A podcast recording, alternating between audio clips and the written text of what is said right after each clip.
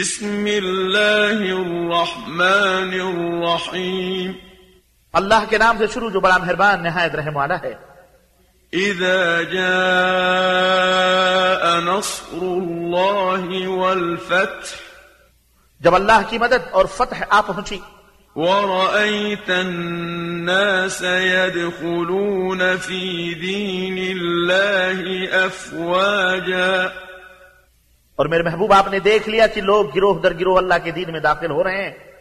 فسبح بحمد ربك واستغفره إنه كان توابا۔